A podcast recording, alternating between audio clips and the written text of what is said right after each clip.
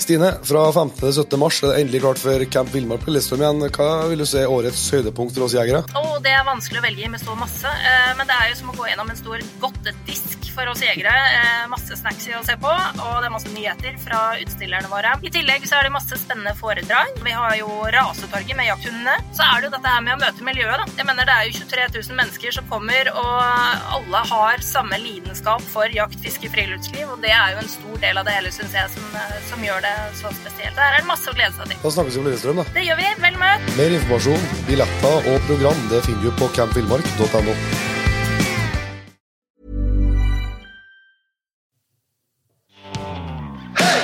Jegerpodden, en podkast av og for jegere.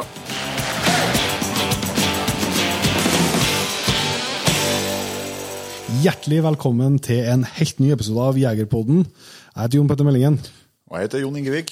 og i dag så skal vi ha med oss en eh, kar som jeg tror er kjent for en eh, del, som heter Vidar Nysæter. Vi skal snakke eh, sikkert litt forskjellig jakt, men i all hovedsak skogsfugljakt og fuglehund. Så det kan dere ganske snart glede dere til. Men eh, det har vært mindre farting på alle i hop eh, siste året, og så også oss. Men nå har vi fått rørt litt på oss. Ja, nå har vi tatt en runde sørover og prata med litt forskjellige gjester. Og så jeg tror det er mye å glede seg til i episodene framover. Ja, det ser ikke alle bort ifra det. Og så har vi jo ei framifrå helg med teambuilding Ja, ikke i redaksjonen eh, før i det. Så det var selv en tung start på, tung start på turen, på et vis. Men, men det var noe trivelig, trivelig det òg. Men vi skal litt innom litt eh, småtteri eh, før vi slipper til en eh, Vidar. Og det første vi selvsagt har jobba mye med og ser ekstremt fram mot, det er mm, nå allerede på lørdag, hvis du hører her er- når det er helt ferskt. Lørdag 13. mars så skal vi ha premiere på og lansering av den serien vi jobba med i høst. I lag med Magnus og, og flere om å ta med seg en på jakt.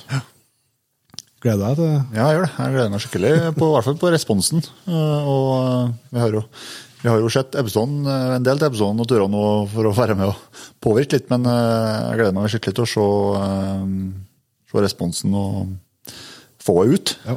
Det er jo når du jobber så mye med en, en sak egentlig litt i sånn i vakuum, med folk som vet mye om hele prosjektet og konseptet, så er det fort at en blir blind, og så kan en tro at det, tro at det er bra, selv om det viser seg ikke å være det. At det tror at det er dårlig, og så kan det vise seg å være bra. Jo, du får ikke fasiten før folk får sett det og får sagt hva de eh, mener om det. Men uh, gleder meg utrolig mye til. I første episoden så blir det uh, Først litt uh, fokus på utstyr og sånt, og så er det skyting, sjølsagt, med både hagl og etter hvert riffel. Og oppskjøting må jo han trubaduren gjennom òg. Vi prøver å legge litt press.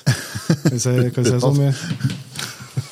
Og så var- og så, eh, avslutninga så er vi på eh, tar vi med på introjakt, opplæringsjakt, gjennom jegerfisk. yes.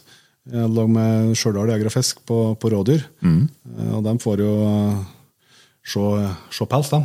Ja da, det gjør de. De, eh, altså det håper jeg at det er flere enn oss som gleder seg på. En, eh, en idé med den serien, eh, og sånn som vi har gjort det, er at vi ønsker å, å nå ut eh, bredt, eh, bredere enn hva vi gjør med podkasten. Vi når jo ganske vidt med den, syns syns vi sjøl, men, men rekrutteringa kan jo gjerne gå enda, enda videre.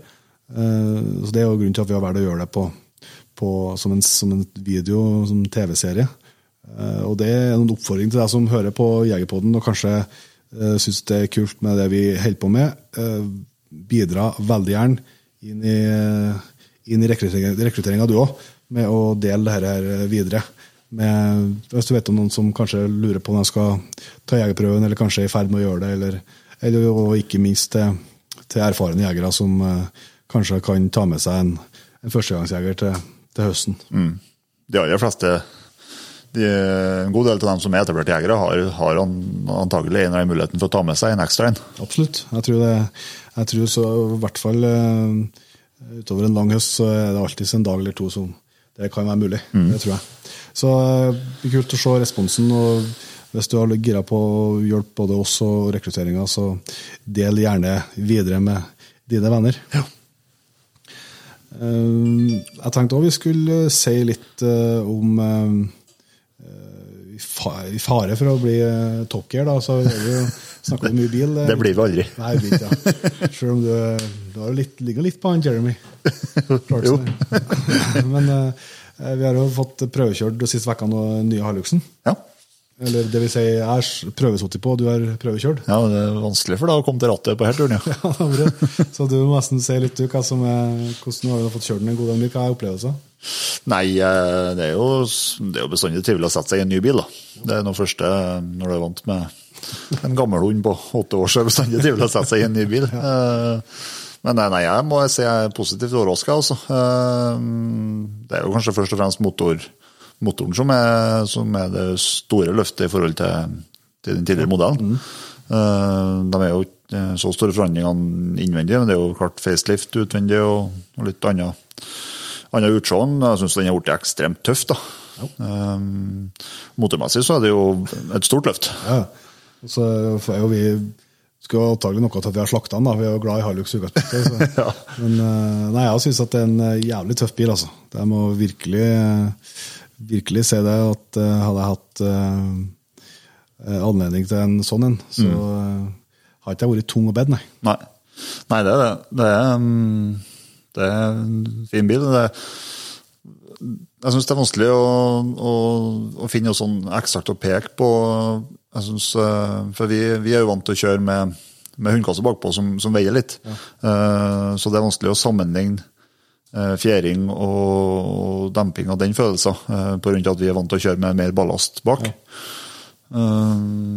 Så for å ikke bli for Toyota-tilhengere, så, så det som kanskje har overraska meg således sett, det er, det er jo forbruket. forbruket. Det er klart, Når man da testkjører en bil med en pickup med over 200 hest, så, så blir det jo som man tester litt òg. Men, ja. men men, det er kanskje forbruket på den som et lite minus. Ja, det er nok, eh, ja, det skal jo sies at vi har kjørt i stort sett i slaps og snøvær eh, hele turen. da. Så Absolutt. Det har ikke vært optimale forhold for å, for å kjøre på lite diesel, men det er vel litt eh, Det, var, det har vel vært en utfordring før òg. Ja. Nei, altså, det, det som er, det er at det er Oppfordring til dem som er nysgjerrige, så er det jo bare å, å dra på til en Toyota-forhandler og spørre om å få prøven. Yes. Det er ikke, det er ikke enn det hvis man er nysgjerrig. Det kan bli dyrt. Det, det tar ikke vi noe ansvar for. Nei, så det er litt eh, Vi skal, jeg tror det ut noe, vi skal skrive noe litt mer gjennomgående på, på testet etter hvert, tror jeg, så det kan være eh, Hvis det er noen må- som skulle være interessert i hva vi, hva vi syns, så kan det være muligheter for å sjekke ut det etter hvert. Andre ting som foregår om Petter mens vi er på farten, det er jo at det skjer jo ting på hjemmebane i en deg. Paring på hjemmebane. Paring på hjemmebane uten at du har noe med.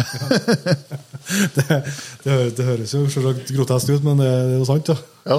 Nei, da, Vi håper jo å få, eh, få para og tispa våre som heter Tinka, eh, med en Gunnar. Han, eh, han gjør jobben, Gunnar, så, så vi håper jo veldig på at det skal bli. Det er jo første gangen vi parer hund, i hvert fall. så det er jo ny, ny erfaring. så det er jo mye spørsmål som melder seg. og Jeg fikk jo, var jo heldig i forrige uke å få prate mye med Geir Langseth om en del av spørsmålene som han hadde. Mm. Han hadde selvsagt gode svar på det med den erfaringa han har med, med hundeoppdrett. Eh, Så får vi se. Det eh, har ikke vært så enkelt som jeg trodde. Nei. Du- Stort sett er det noe det jeg har hatt forhold til å kjøpe Så det, det virker jo jævlig enkelt. Så må, men nå tror jeg nå det kan bli sjanser i hvert fall for at det blir, eh, at det blir direkte. Da. Men eh, det, jeg håper jeg veldig på at vi får, får prøve det. Det har vært det er fin, både fin tid for å kunne få et kull, og, og gunstig sånn med at det ikke er så mye racing som det, som det er til vanlig. i hvert fall. Så vi får se. Vi får komme tilbake til, til resultatene etter hvert. for å se om det blir, blir et uh, Jegerpoden Kennel-navn etter hvert. Ja. Skal vi rett og slett slippe inn en Vidar inn i samtalen? Det gjør vi. Da har vi også gleden av å ønske deg, Vidar Nysæter, hjertelig velkommen til Jegerpodden. Takk. Veldig kult at du ville bli med og ta en prat med oss. Jo, det skulle bare mangle. Ja, det er jo, eh, og vi har fått, eh, Du har jo ordna et fantastisk opptakslokale til også. Velkommen til Hedmarken. Eller gamle Hedmarken. Vi har vært så heldige å få låne utestue til en eh, kompis, og det, Her kan vi an å trives. her kan vi trives. Her har vi åpen, åpen flamme og grovt treverk. Ja, det er helt topp.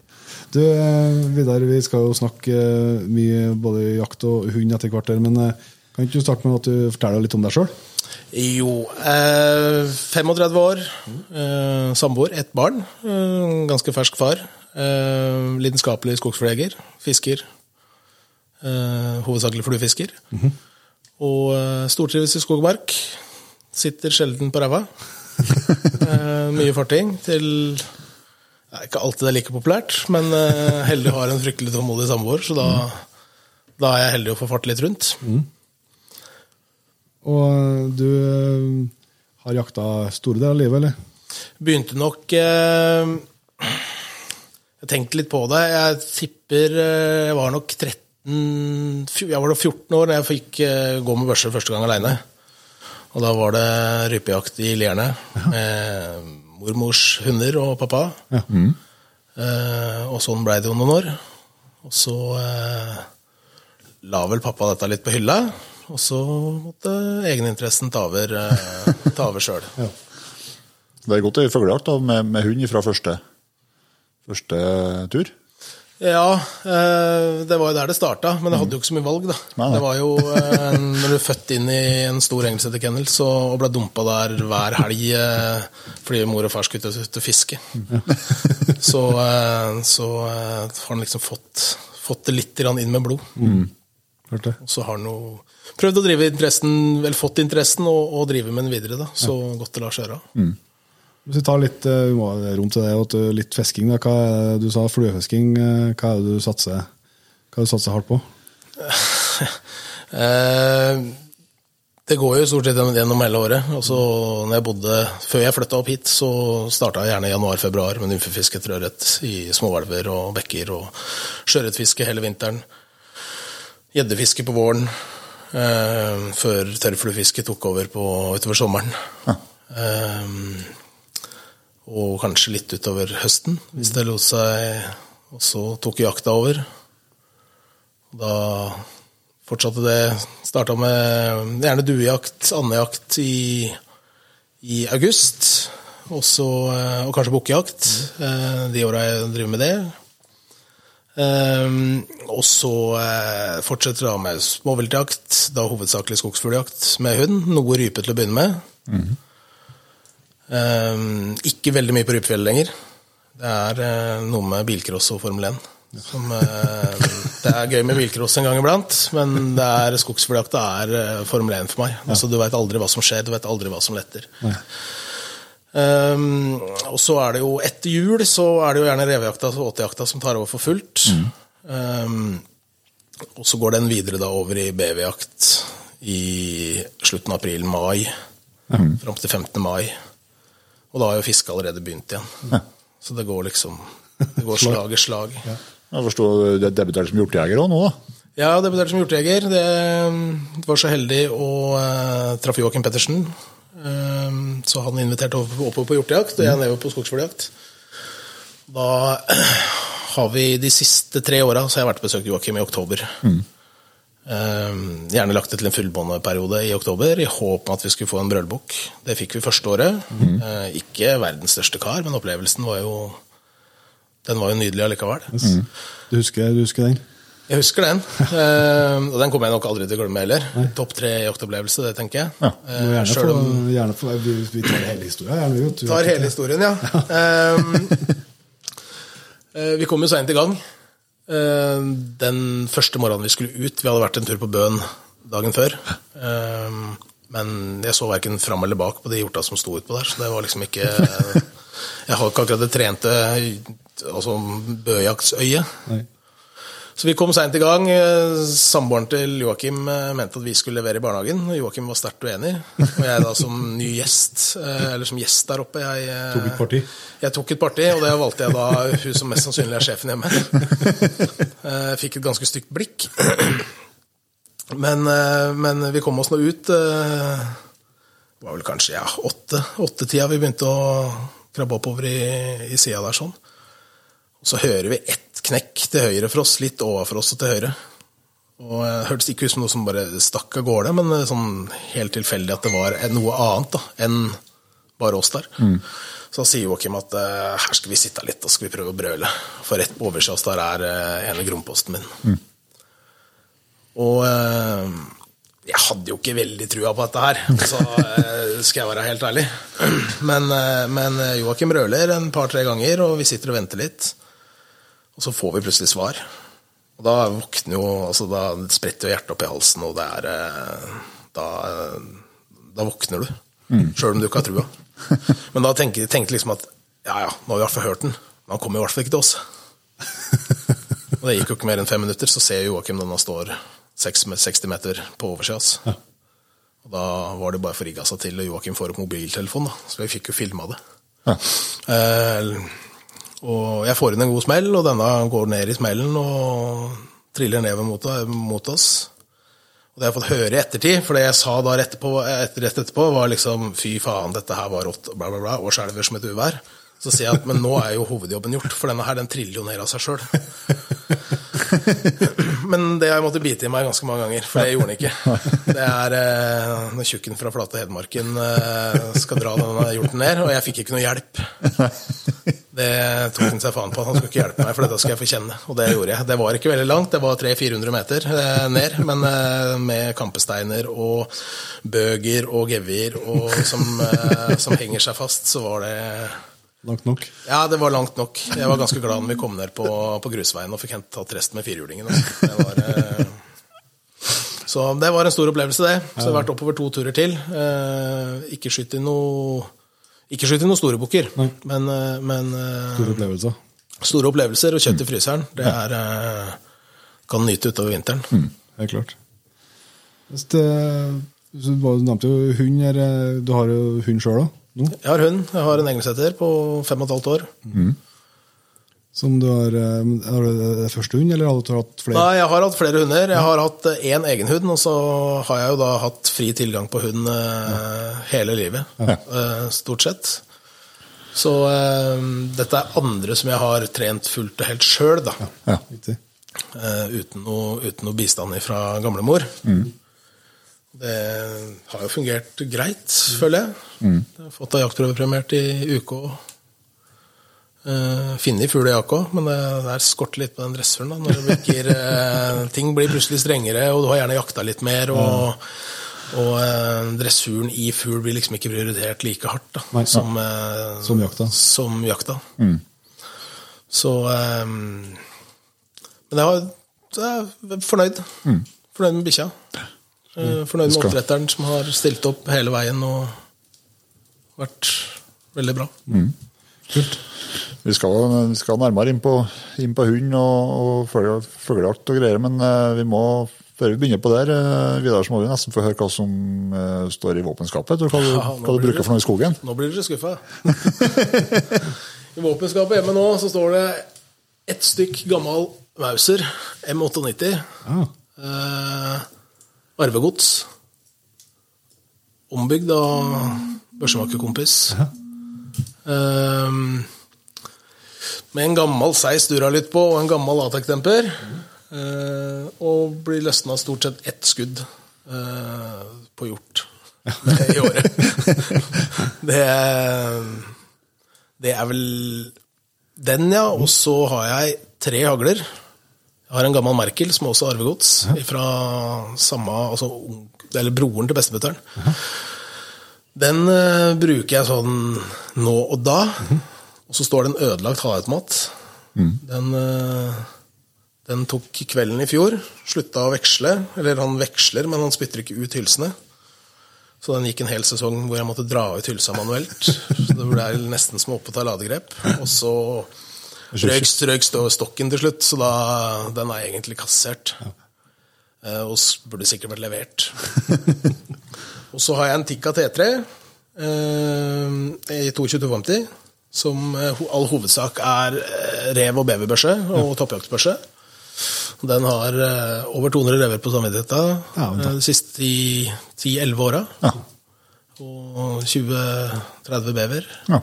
Um, Revejakta er stort sett uh, åtejakt, eller? Stort sett uh, åtejakt. Mm. Det er uh, 98 åtejakt. Ja. Litt grann lokkejakt. Ikke hatt sånn superhell, men det har blitt noen ende få. Mm. Så, og så har jeg det nye hjertebarnet mitt, en Beretta 682 Gold. eh, som jeg kjøpte brukt nå før sesongen i fjor. Og den har fungert optimalt for meg. Den er nå på en liten, liten shine, en liten face, facelift eh, sørover.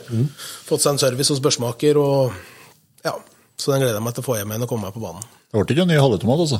Det ble ikke noen ny halvautomat, og det blir aldri en halvautomat igjen.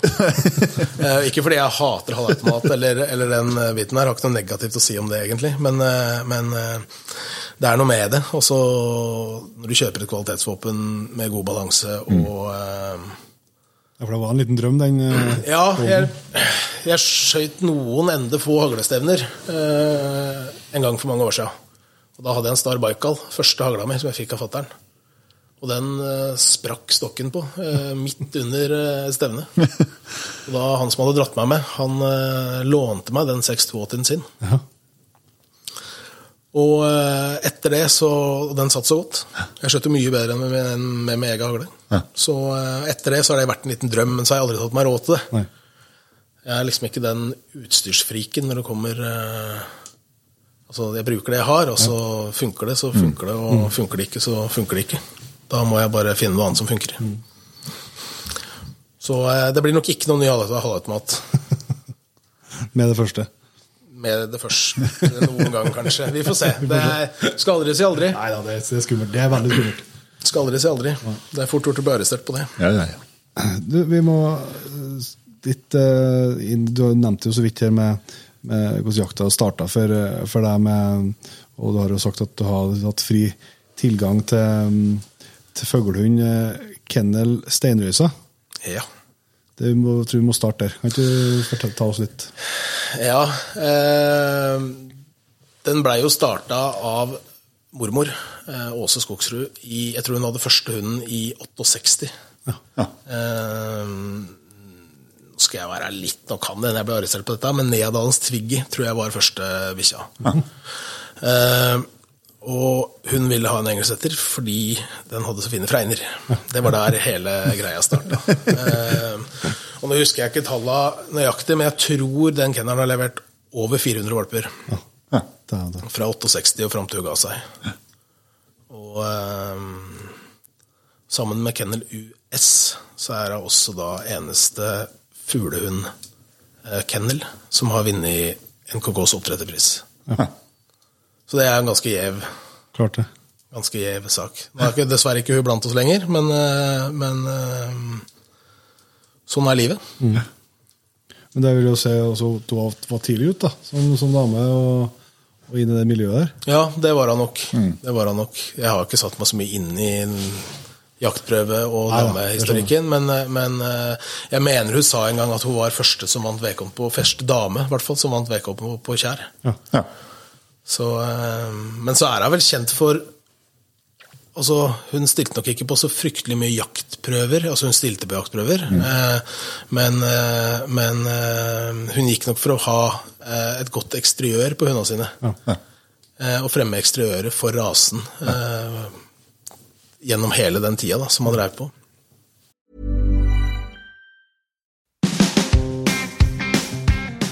15.-17. mars Stine, så er det endelig klart for eh, Camp Villmark på Lillestrøm igjen. Eh, Hva er de tre tingene du gleder deg mest til? Og det er så masse. Eh, Vi har bl.a. en eh, nysatsing på redesign og bærekraft sammen med Selfmade Brick på Tour og Klima, som blir veldig kult. Du kan komme og lage din egen T-skjorte eller pannebånd helt gratis. Veldig kult. Det kommer også Europas faktisk første innendørs Overland-festival. Litt sånn selvmotsigende her, innendørs Overland, men det blir veldig, veldig kult. Over 2000 kvadrat med utstilte kjøretøy der, med taktelt og alt sammen. Veldig, veldig kult. Så har vi jo de fem største våpenimportørene hos oss. Det er også veldig kult for alle oss eh, jegere. Så masse, masse spennende å se, både på nyhetsfronten og av eh, det vi kjenner fra før. Mer informasjon, billetter og program det finner du på campvillmark.no.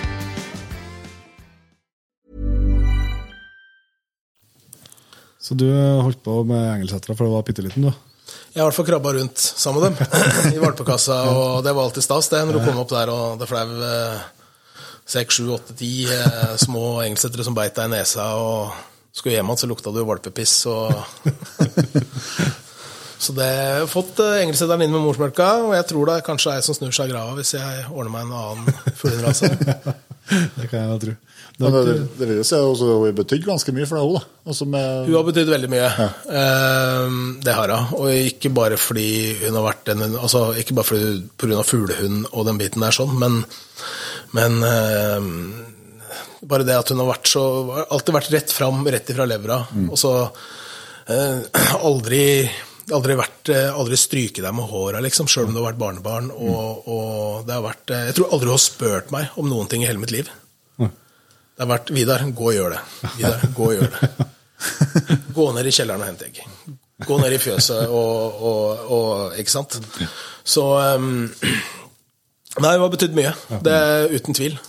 Det er um, har nok vært med å forme meg som menneske. Også, jeg er jo kanskje kjent for å være litt, litt for rett ifra levra sjøl òg. Jeg har hørt det noen ganger. Så det er ikke bare, er ikke bare interessen for hund du har arva? Nei, visstnok ikke kjeften også.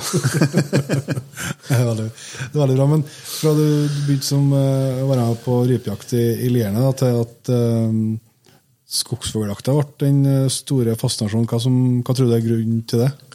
Tilgjengeligheten, Ja. tenker jeg. Fordi når du er oppvokst rett på Oslo, Enebakk um, Så er det langt til Rypefjellet. og I hvert fall når du er ung gutt. Ehm, det er liksom ikke Du setter deg ikke bare på bussen og uh, drar til fjells. Uh, det funker ikke. Uh, og fattern jakta jo stort sett ei uke i året, og så var det etterpå jakta, og så etter 15. oktober, eller, eh, og de jakta stort sett på Ringebufjellet. Så um, da var det skogen som var nærmest. Og så hadde jo bestemutteren hadde jo et par, også når jeg var gammel nok, da, så hadde jeg jo et par uh, bikkjer som var gode på skog. Så, uh, så uh, Og når vi var oppe i Meråker og i Lierne, så måtte vi gjerne gjennom skog før vi kom opp på fjellet. Ja. Og da blei det gjerne litt jakt på tur opp der òg, og der er nok der den fascinasjonen blei skapt. Ja. Og så er det jo, nå i ettertid så er det jo litt med det der at er du på rypefjellet, så veit du hva som letter. Det er ei rype. Ja. Men er du på skauen, så veit du ikke om det er ei rype, eller en tiur, eller ei orrhøne, eller en orrhana, eller ei røy. Eller ei gjerpe, for den saks skyld, eller ei rugde. Så det er sånn, Du veit ikke om det brasker i, altså om det flakser i tunge, tunge tiurvinger, eller om det er eh, ei lita rugde som eh, flyr som ei lita humle opp gjennom eh, Og det er Jeg tror det er det som gjør at jeg digger skogsfugljakta. Altså, jeg bruker tre måneder av livet mitt hvert eneste år. Eh, og så var det eneste ledige stund på å komme meg på skogen og på skogsfugljakt. Ja. Men hvis vi tar oss, eh, tar oss inn i første opplevelsene i, i Skogsfuglskogen, da, hva starta du hardt og brutalt med tiur, eller måtte du jobbe for den, eller hvordan var det? Den måtte jeg jobbe lenge for. Ehm, den satt langt inne. Jeg tror faktisk ikke jeg husker første tiuren min. Nei. Eh, Jeg har hatt flere gode opplevelser etterpå som har uh, overskygga det. Men jeg husker første tiuren for gamlehund. Den tok, vi med, tok jeg med henda i Trysil. Og det hadde jeg ikke turt å si til noen om jeg ikke hadde hatt vitne på det. Men da jeg jakta en periode sammen med en jeg jobba med, en som het Magne. Eh, og vi var i Trysil før vi skulle videre på rypejakt. Vi hadde da jakt fra 15.9. på Ringebufjellet. Og så hadde vi da fra 10. og fram til 14. da vi skulle kjøre videre. Mm. Så var vi i Trysil. Og der står gamlehund, Knut, unghund, han står i stand. Og så kommer vi opp. Vi kommer liksom opp fra hver vår side, opp på en kul. Bikkja hadde kommet fra én side, Magne hadde kommet fra en annen side, og jeg kommer fra en side. Om fuglen var sjuk eller ikke, det veit jeg ikke eh, den dag i dag. Men eh, så får jeg se den tiuren på bakken, så sier jeg til Magne at, eh, at der ligger jo tiuren, liksom. Der ligger tiuren. Ja, spark den i ræva så jeg kan skyte den, sier Magne. Nei, vent litt da, sier jeg. Og satt fram av den gamle halvautomaten og fikk kasta meg over den og fikk tatt den. Så, men jeg turte aldri å spise den, for jeg visste ikke. altså Han kunne ha vært sjuk, han kunne ha vært skadeskutt. Ja. Jeg fant aldri noe hagl i den, men jeg åpna bare brøststøkkene, liksom. Og det, var et eller annet men som ikke frista. Så jeg veit ikke. Det kan ha vært en uh, fugl som første turen bort fra kullet sitt, eller også at han var fryktelig usikker. Og at når vi kom inn fra alle kanter, da, så bare så han for seg at det var desidert best å bare trykke. Men, eh, men eh, en ganske spesiell opplevelse. Og da hadde jeg ikke hatt vitne på det, så hadde jeg aldri turt å si det. For da hadde folk trodd jeg hadde ljuget. Så um, det var i hvert fall første, første tyren jeg fanga med. Eh, etter det har jeg ikke gjort det. Men Husker du noen av de første, første fuglene du felte eh, i skogen når du var, var alene? da? Gjør jeg det? Jeg, jeg, nei, men altså Nei, vet du, det tror jeg ikke. Jeg husker første rypa mi. Den husker jeg fryktelig godt. Ja. Eh, og jeg spurte han som jeg var med da, en kollega av fatter'n, som eh, også som var med på disse, de første jaktene jeg var med på. Ja. Jeg spurte han eh, i stad om hvilken hund det var, for jeg tror det var eh, bikkja hans. Ja. Men eh, jeg har ikke fått noe svar. Nei. Men den situasjonen husker jeg fryktelig godt. Fordi da var det hun som sto, vi var på tur opp. På en tue liksom utpå ei myr. eh, Og der letter denne rypa, og han går mot venstre. Og Baikalen går opp, og det smeller. altså Det var ikke noe sving i børsa eller ingenting. Det var bare, Du bare skøyt i retningen. Og når den rypa datt da, da var jeg, da var jeg lykkelig. Og det året ble det fire, Den sesongen ble det fire ryper. Eh, Jeg syns kanskje jeg hadde skutt litt lite, for jeg vet at fatter'n hadde kommet hjem med mer ryper enn tidligere. Men, eh, men eh, jeg var veldig fornøyd. Så Men det er klart, de første skogsfugla på skogen jeg, Det var jo Vi jakta mye i Trysil. Ja. Så det var jo der oppe. Um, og vi blei en stor gjeng der til slutt, og den gjengen, deler av den gjengen er fortsatt igjen der. Ja, ja. Så uh, samme faste campen og Tradisjon eh, som Ja, de har holdt tradisjonen ved like, da. Eh, Jeg brøt ut og fikk leid meg koie og ordna meg terreng et annet sted etter hvert, med litt mer fugl og Ja, greit å ha litt ordentlig tak over huet. Men, eh, men eh, Jeg hadde mye gode opplevelser der. Men det vi skøyt jo ikke veldig mye fugl den gangen. Det var jo Vi jakta og skøyt mye etter fugl, og så, og så Det var trivelig på kveldene. ja, ja, ja, absolutt. absolutt. Så um... Nei, det er veldig bra. Hvis vi begynner å tenke, snakke litt, litt mer, eh, mer hund, Vidar. eh, Du sa at nå er du på nummer to, som du har trena opp sjøl, ja. Hvordan ble det første hund? da? Han blei Han blei bra, eh, men jeg gjorde nok mye feil. Ehm, feil jeg prøvde å ikke gjenta den gangen her.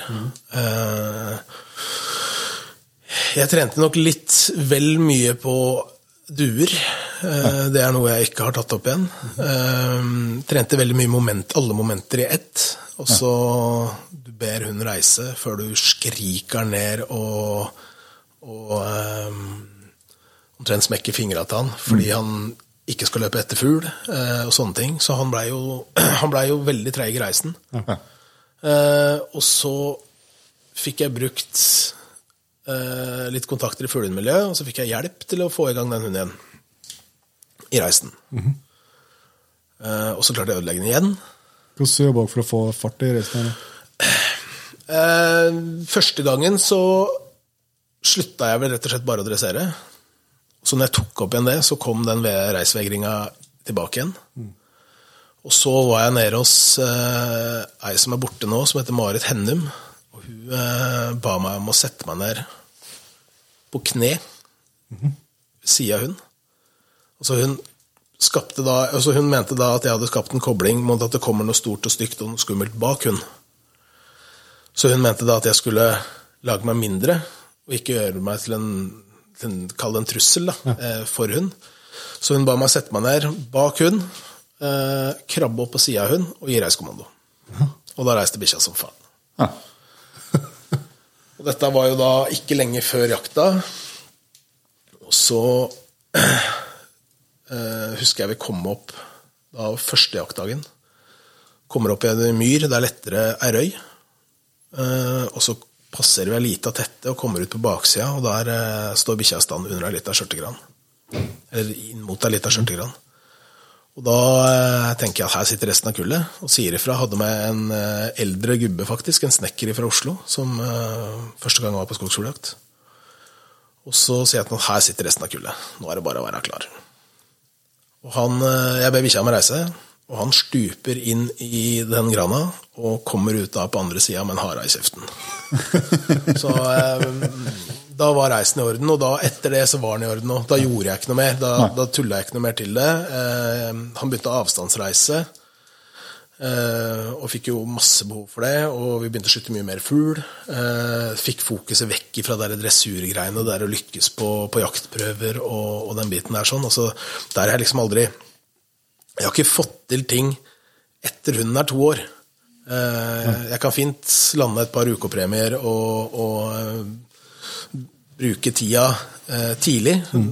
Men så begynner vi å jakte mye, og, så, og så, sklir det ut. Jeg sitter og driver og skriker og roper 'sitt' på skauen, og det ødelegger litt av opplevelsen for meg, da. Mm. Det veit jeg mange andre som får det til. Ja, det er jo utrolig mye dyktige fuglehundfolk i, i Norge. Um, og jeg vet det er mange som får det til. Det er mm. akkurat som at bikkjene deres skjønner forskjell på hagle og en startpistol. Og, og, um, men for meg så har ikke det, har ikke det funka. Ja, så tenker jeg Dere har jo UK-varianten har en veldig fin misjon der, altså med at uh, det er litt romsligere på visse regler, og sånt, men at du i hvert fall får, du får bevist uh, at det her er noe, her bor det jakt i hund. Ja, absolutt. Sånn tilbake til oppdretter og sånt, så har det absolutt en verdi sånn. Absolutt. Og så det fine med jaktprøver, da, er jo at det er jo utfattelig mye hyggelige folk. Mm. Eh, du treffer mye ekspertise. Og med den snittalderen som er på jaktprøvene i dag, mm. så, så, er det jo, det er jo flere tusen år. Ja. Ikke sant? Eh, med, med, med, erfaringer og ekspertise. Absolutt.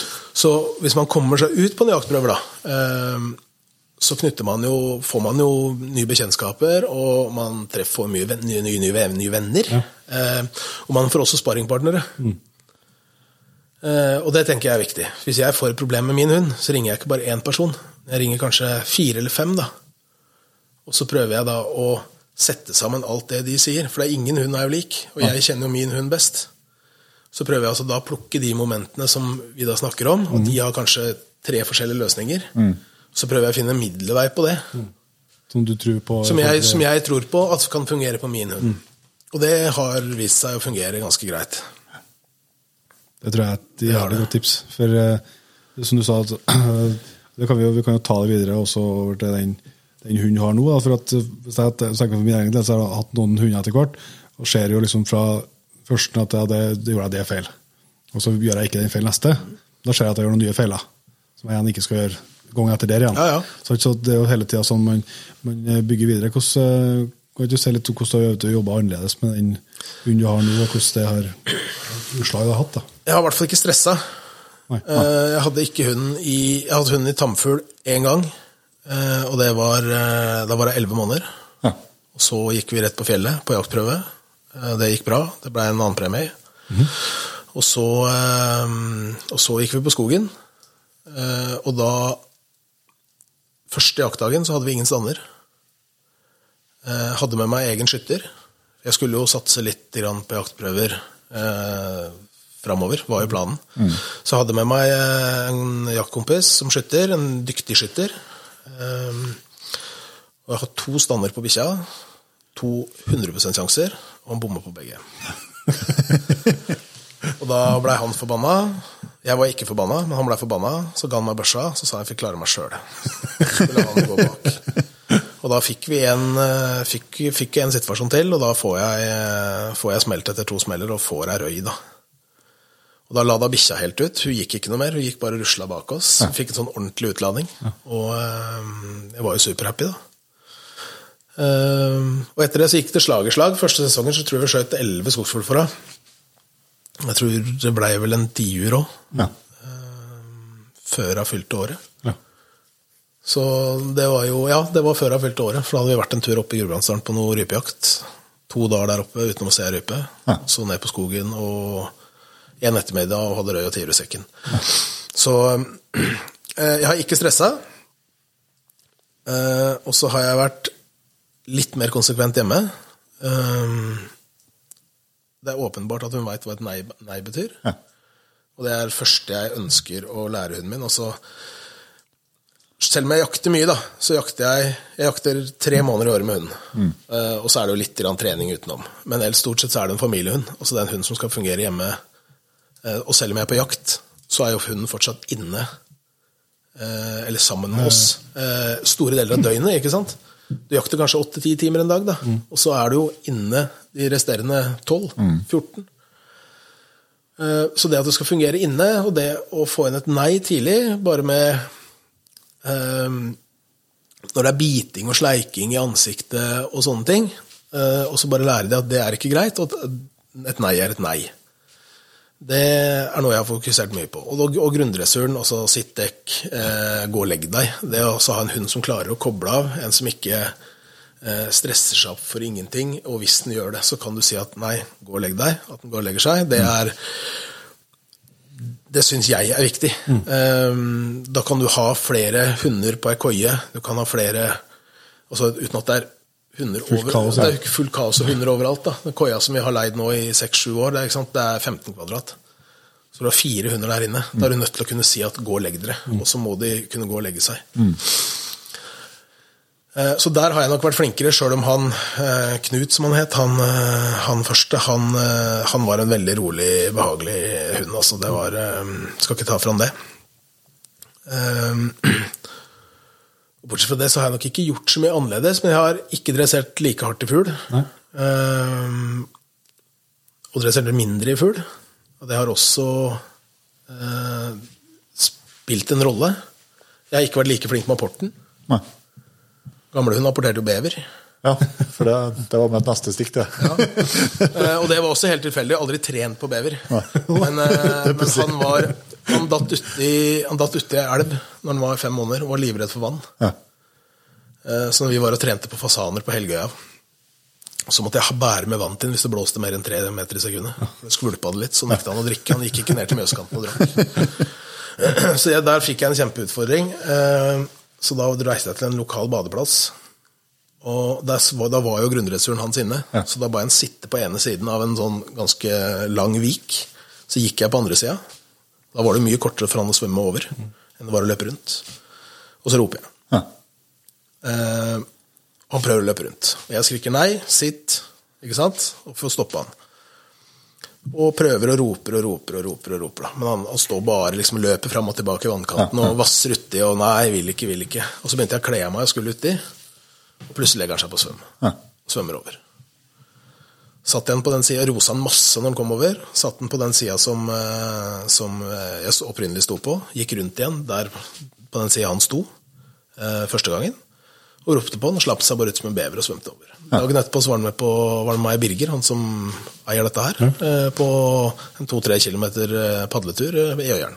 Ja. Og da var liksom hele den var, var alt, ja, altså Den koden var knekt, da vann var liksom ikke farlig lenger. Nei. Og apporten på han den kom nok ikke før han var borte i to år. Eh, trent lystapport. Henta jo tingene jeg kasta det og sånn, mm. men han var ikke noe glad i å ta i fugl. Men eh, så ble han med meg på litt andejakt. Og vi gikk og støkka opp ender og skjøt i. Ja. Og, eh, og, eh, da våkna han ordentlig på vannapporten. Ja. Så da um, Vi mista aldri noen ender igjen etter at vi hadde med, fikk i gang han der. Mm. Um, og, og, så blei det en sånn søk greie da jeg hadde med den gamle svogeren min uh, på babyjakt. I samme dameanlegget. Og så uh, kommer det en bever av han for å skyte den. Og så er det jo ja, april måned. Eh, litt is i kanta og dritkaldt. Og han skjøt noe mens han var svømte i vannet og kort hold. Og han hadde ikke kommet å hente han. Og han andre kompisen som var med, hadde ikke kommet til å hente han. Så det hadde vært jeg som måtte hente han uansett. Så jeg prøvde jo bare. Så sier jeg til bikkja at kom igjen, Knut. Apport, sier jeg. Nei, og Han kaster seg i vannet og svømmer rundt, og så tar han tak i denne beveren. Og så spytter han ut igjen. Så kommer han på land igjen. Nei, det var ikke noe. Og så eh, tenkte jeg nei, jeg begynner å kle av meg og sier jeg kom igjen, Knut, vær så snill, apport. Så kaster han seg faen meg uti, da, og så eh, suger han tak i denne beveren og drar den inn på landet. Så vi har filma vi står og drar den bikkja opp, opp, på landet, og så biter seg fast i denne, denne beveren. Men seinere det året så blei han dårlig. Han fikk et uh, infarkt i nakken eh, og blei lam. På, han blei egentlig totalt lam. Bare over natta, liksom? Ja, ikke over natta engang. Altså, det skjedde plutselig. Han bare peip i senga, og så så det ut som at han hadde fått slag. Oh. Og vi stupte rett til dyrlegen, da, og, det er dyrlegevakta. Og de visste ingenting. Sendte oss videre inn til Ensjø.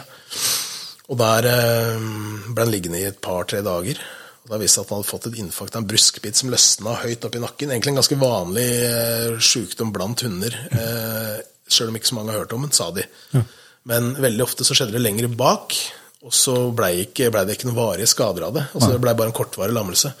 Men her stengte det da blodsirkulasjon til nervebanene så lenge at han, eh, han blei eh, Han blei aldri jakthund igjen, da. Han, eh, vi fikk han på beina igjen. Det kosta mye penger. Og det kosta mye tid og krefter og, og ork. Så han har vært med og var med, skjøt, var med oss når vi skjøt fugl, og apporterte på en av de første fuglene til, eh, til hun jeg har nå. Ja. han har vært med og apportert på duer, han har vært med og inn og fiska, og, men han hinka rundt på trebein. Og så fikk han, Vi tok han til slutt, for han blei så tynn. jeg lurer på, Enten så brukte han fryktelig mye krefter, og brukte mye mer krefter enn det han skulle, eller så gærlig? ja, dyrlegen trodde kanskje han også hadde fått kreft. Og da tenkte vi at nå tar vi det, tar vi den før, Går før han blir dritdårlig. ikke sant? Han hadde fortsatt livsgnist, han var fortsatt blid, han var fortsatt, uh, fortsatt glad. da. Um, så uh, kjipt. Dritkjipt. Selvsagt. Ja, Men, eh, men det er noe sånn det kan bli. det er, ja, det er akkurat det det er. Også, dette, er jo ikke, dette er jo ikke maskiner. Og, og eh, det er kjøtt og blod, og, og ting kan skje. Så det, det var ikke noe arvelig, og det var heller ikke noe altså Det var bare sånt som kunne skje, da. Så um, Men da, da ble det, ble det ny, ja, setter. den nye hunden kom jo før, Ja. før vi avlivde. Um, for jeg begynte jo å leite etter ny hund. Hva var grunnen til at du eh, Det, det er jo Emma som du har nå. Ja. Hva var grunnen til at du gikk for tisp og ikke Hanne? Eh, veldig, veldig tilfeldig. Eh, hele hunden er egentlig fryktelig tilfeldig. Fordi eh, Knut blei sjuk. Jeg jakta en høst med en lånt hund, en gårdonsetter og Det å ikke jakte med egen hund, det blir liksom ikke det samme. I hvert fall når du ikke har noe særlig tilknytning til hund eh, generelt. da. Jeg kjenner jo veldig godt eieren, men, eh, men eh, liksom ikke hatt noe med med Oppvekst og- oppveksten og den biten å gjøre. Ikke noe trening, ikke, kjente ikke hunden noe sånn særlig. Og bare det å hente en hund sånn, det gir meg liksom ikke like mye. Um, og, så da begynte jeg å leite etter ny hund. Um, og hadde vel kanskje egentlig gjort det i fire år også. Uh, hvor du da titter litt hele tiden. Og det eneste jeg hadde bestemt meg for, var at jeg ville ikke ha noe som alle andre har. Så jeg hadde liksom landa på at jeg ville ha noen nord for Trøndelag. Og så vil jeg ha kanskje da danske linjer. Ja. Og så sitter jeg på jobb en dag, og så ringer telefonen min. Helt ukjent nummer. Tar jeg den, så er det en dame som ringer til meg. Og så sier jeg da at jeg hadde sett at jeg hadde sju hund, og sånn og sånn, da. Og så hadde en valp og ville selge meg. Og det er først jeg tenker at dette er sånn bakgårdsgreie, ikke sant. Ehm, så jeg sa det at jeg er egentlig ikke veldig interessert, og jeg skal ha en hannhund. Den skal være brun og hvit. Ikke tispe og lita og svart og hvit. Jeg skulle ha en, altså jeg skulle ha en hund som den hunden jeg hadde. Og så eh, Men så ber jeg om å sende over eggnummeret Og så er jeg bare brått inne og titter litt på linjene, og så ser jeg at dette er jo linjer fra Finnmark. Og så er det linjer fra Danmark. Ja. Så tenkte jeg ok, nei, jeg ringer til bestemutteren. Og så sier jeg det, forteller jeg dette her, sånn og sånn. Så sier jeg at det er greit, Vidar. Hvis du vil ha den hunden, skal jeg kjøpe den til deg. Ja, det sier jo ikke nei til det. uh, og så tar jeg et par telefoner til, uh, og så viser det at denne dama er jo ikke oppdretter på denne hunden. Nei. Hun kjøpte den hunden fredagen før, fikk hun den bikkja levert. Okay. Så ville jeg da plutselig ikke ha den hunden. Så tenkte jeg ok, hva er det som er gærent da, da?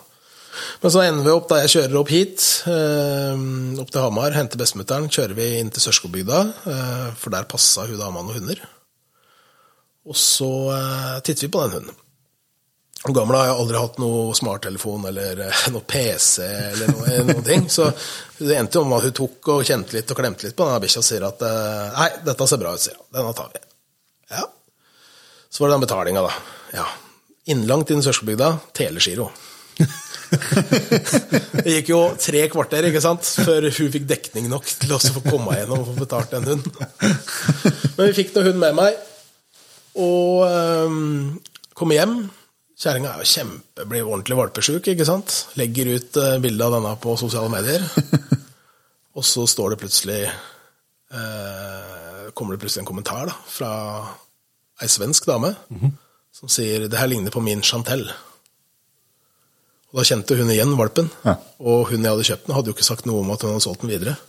Oh. Eh, så jeg tar kontakt med hun vi kjøpte den av igjen, så sier jeg at nå må du prate med oppdretteren. For jeg skal ikke ha noe, vil ikke ha noe tull med det her. nei. Nei, det skulle jeg gjøre da. Så tok hun kontakt med oss igjen. Hun eh, sendte hun meg en PM, hun, eh, hun svenske, hun oppdretteren, opprinnelig oppdretteren. Og så tok vi en telefonsamtale, og så, eh, og så satte hun seg i bilen, og så kjørte hun opp til oss uka etterpå, sammen med gubben fra Uddevalla. Skrev en ny kontrakt, eh, og så fikk jeg da alle de eh, Altså ble likestilt da, med de andre valpekjøperne. Um, og ehm, og um, har jo vært der nede da flere turer i ettertid og blitt veldig god venn med faktisk. Um, så, så det var veldig tilfeldig, hele greia. Altså, det er én telefonsamtale, og så, og så dukker det opp, og så, og så ender det opp med den hunden der, da. Ehm, som jeg er fryktelig fornøyd med. Ja. Så ehm, Ja, Sånn jaktmessig, hvordan syns du hun er i forhold til den mannen? Hun er tøffere. Ehm, hun er, altså, man, man kan jo si det, uh, at det er fryktelig gøy å gå etter en hund som foter. Men det er veldig lite effektivt. Uh, Gamlebikkja kunne jeg gå på 300-400 meters fot, ikke sant? Han, klarte, han, han gikk aldri på hardt nok til å Det kan være et dre- et dre- dressurmoment hvor jeg har gjort, ikke sant? Hvor jeg har vært, eh, vært litt for, eh, for brautete, og, og som har gjort han da litt usikker. Som da gjør at han ikke vil følge på hardt nok. Eh, og med hun jeg har nå, så har jeg kanskje på de fem og et halvt åra gått 40 meter i fot. Ja. Der er det bang på og låse det. Hvis ikke, så går det. Ja. Vil det ikke sitte, så går det. Ikke noe der dille å, å, å følge etter. Og det er dritspennende å gå på fot. Pumpa går, og, men det blir lite effektivt, da. Ja, ja. Um, hun er dårligere på aborten. um, men den skylda kan vel kanskje jeg ta. Det er litt med den tida, tida jeg har lagt ned på det òg. Ja. hun har en mye høyere snitthastighet. Det er en mye lettere hund. Og så, så utafor sesong så var jo gammel var jo 33 kilo. Ja, og hun her er 15. Ehm, så, så eh, Og hun er nok mindre utsatt for såre poter og den biten der. Det skurrer og går uh, uh, hele tida. Så, men det er, igjen da, så er det to vidt forskjellige hunder. Altså, hunder, er vi, hunder er jo som mennesker. Eh, vi er støpt i forskjellige, forskjellige former, alle mann. Heldigvis. Både for hunder og folk. Ja, det, ja, det er et godt poeng. Du tenker ikke på å ta opp, eh, ta opp kennelnavnet og, og ha noe kull? da? Det kommer jeg ikke til å gjøre. Nei. Eh, Jeg kan godt hende jeg skal ha kull. Eh, Egentlig litt småplaner om det. Eh, Men det blir ikke i Steinrøsa-navnet. Nei. Nei. Eh, I så fall så blir det i kennelnavnet til oppdretteren til bikkja mi i dag. Ja. Eh, Det er mulig jeg kommer til å ta over det. Eh, Vi får se. Men først må jeg finne hannhund. Og eh, nå brukte jeg fire år på å finne hund, og det ble tilfeldig, så får vi se hva som skjer med hannhunden. Det sitter en oppe i Ørsta og maser, maser ukentlig. Så vi får se om vi får noe får gjort noe alvor ut av det. Men i så fall så blir det ett kull, og det blir for å ha igjen et avkom sjøl, og så blir det for å, for å dekke den lille etterspørselen som er, da. Ja. Det er jo flere som vil ha valpeter, da. men noen vil bare ha om det er riktig hannhund, og noen vil ha det som en rein jakthund. Og det er jo det hun i all hovedsak er, da. Ja. Tøft. De som, de som ønsker, ønsker avkom etter, henne, er er det folk som har vært med og jakta med? og sånn? Stort sett. Ja. Stort sett enten vært med og jakta eller sett henne på ja, enten ei jaktprøve eller et klubbmesterskap eller eh, ja. Det er et godt tegn på at hun er bra. Jo da, altså bikkja er det ikke noe er det ikke noe gærent med. Det er klart Hadde den vært hos en annen eier, så, eh, så eh, kan det hende hun hadde gjort det kjempestort. Um, men det er det ingen som noen gang får vite. For jeg har ikke, jeg har ikke tenkt å gi fra meg. Ja, du får mye bra jakt hos deg, da. Det skjønner jeg. Også. Hun jakter mye, det gjør hun. Så, um, så ofte vi kan. Men eh, vi, skal ikke bare snakke hund heller. eh, Vidar, vi må litt eh, inn på eh, Dere har sagt hund har en viktig rolle i det òg, eh, og den jakta, og høre litt hvordan eh, ja, hvordan erfaringer og, og sånt du har gjort der rundt, eh, rundt skogsfugljakta. Hvis vi starter, starter der med å, hvordan du legger opp dagen. Liksom, hva, det er, skjønner, vet at det er stor forskjell på om man bare har en epledag tilgjengelig eller om man har ei uke. Men eh, noen tanker gjør man seg. Hvordan jeg legger opp dagen, ja. Det, det varierer jo veldig når på året. Eh, men hvis du starter da første uh, så, La oss si 10, det er 10. september, da. Så velger jeg jo, og så er det terrenget jeg er kjent, så velger jeg å oppsøke områder jeg har hatt, uh, hatt kull tidligere. Eh, og finner jeg ikke fugl der, så må de jo sitte altså de må jo sitte et annet sted. Så sitter de ikke bløtt, så må jeg prøve tørt. Eh, Sitt, finner jeg det ikke høyt, så må jeg prøve lavere. lavere. Um, så de første daga, hvis man ikke lykkes de første daga, så må man prøve noe annet. Um, og videre utover så prøver jeg å um, prøver å følge den erfaringa jeg har med at altså, de, etter hvert så går de over på vinterbeite. Trekker mer over til, uh, mer over til furuskogen. Um, jobbe litt i, i, i den biten. Men vi fikk en utfordring nå i september. Eh, an, altså andre del av første uka, for da prøvde vi et nytt terreng. Da var jeg med en kompis til Finnskogen. Han har jakta der mye på topp, altså vinter. Eh, og vi så vanvittig mye fugl langs veien. Ja. Altså sinnssyke mengder Ja. fugl langs veien. Men vi fant dem ikke i skauen. Fant dem ikke i skauen. Og det var høgd sinnssykt mye i terrenget. Ja. Eh, Men et eller annet sted så måtte de jo holde til, ikke sant? Så da var det fram med kart og finne da de skogsområdene som eh, hang litt sammen, da. Eh, og jakte småturer, eh, hvor du jakta en time eller to i et område. Ja. Når vi gjorde det da ut ifra andre dagen, så begynte vi å finne fugl òg. Ja. Så hva skal jeg si eh, utpå hoggingene fant vi jo ja, det var e- jo en og annen årfugl. Men, eh, men storfuglen fant vi da i de litt mer sammenhengende, sammenhengende områdene. Med, med den lille skogen som var igjen. da. Ja. Men vanvittig bra med fuglen her på der. Godt, godt tips, det. Ja, for at det er jo, eh, det er jo så, er det sånn som er opp eh, grytidlig om morgenen, eller er du, går du ut, ut på dagen, eller hvordan, eh, hva liker du? Alltid oppe grytidlig, Ja. alltid ute seint. Pause, pause med på dagen, eller? Alltid pause midt på dagen.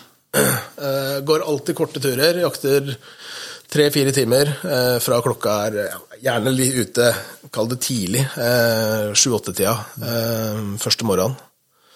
Men alltid oppe klokka fem. Altså det sitter i kroppen og gjerne drikke en liter med kaffe aleine på køya før de andre har stått opp.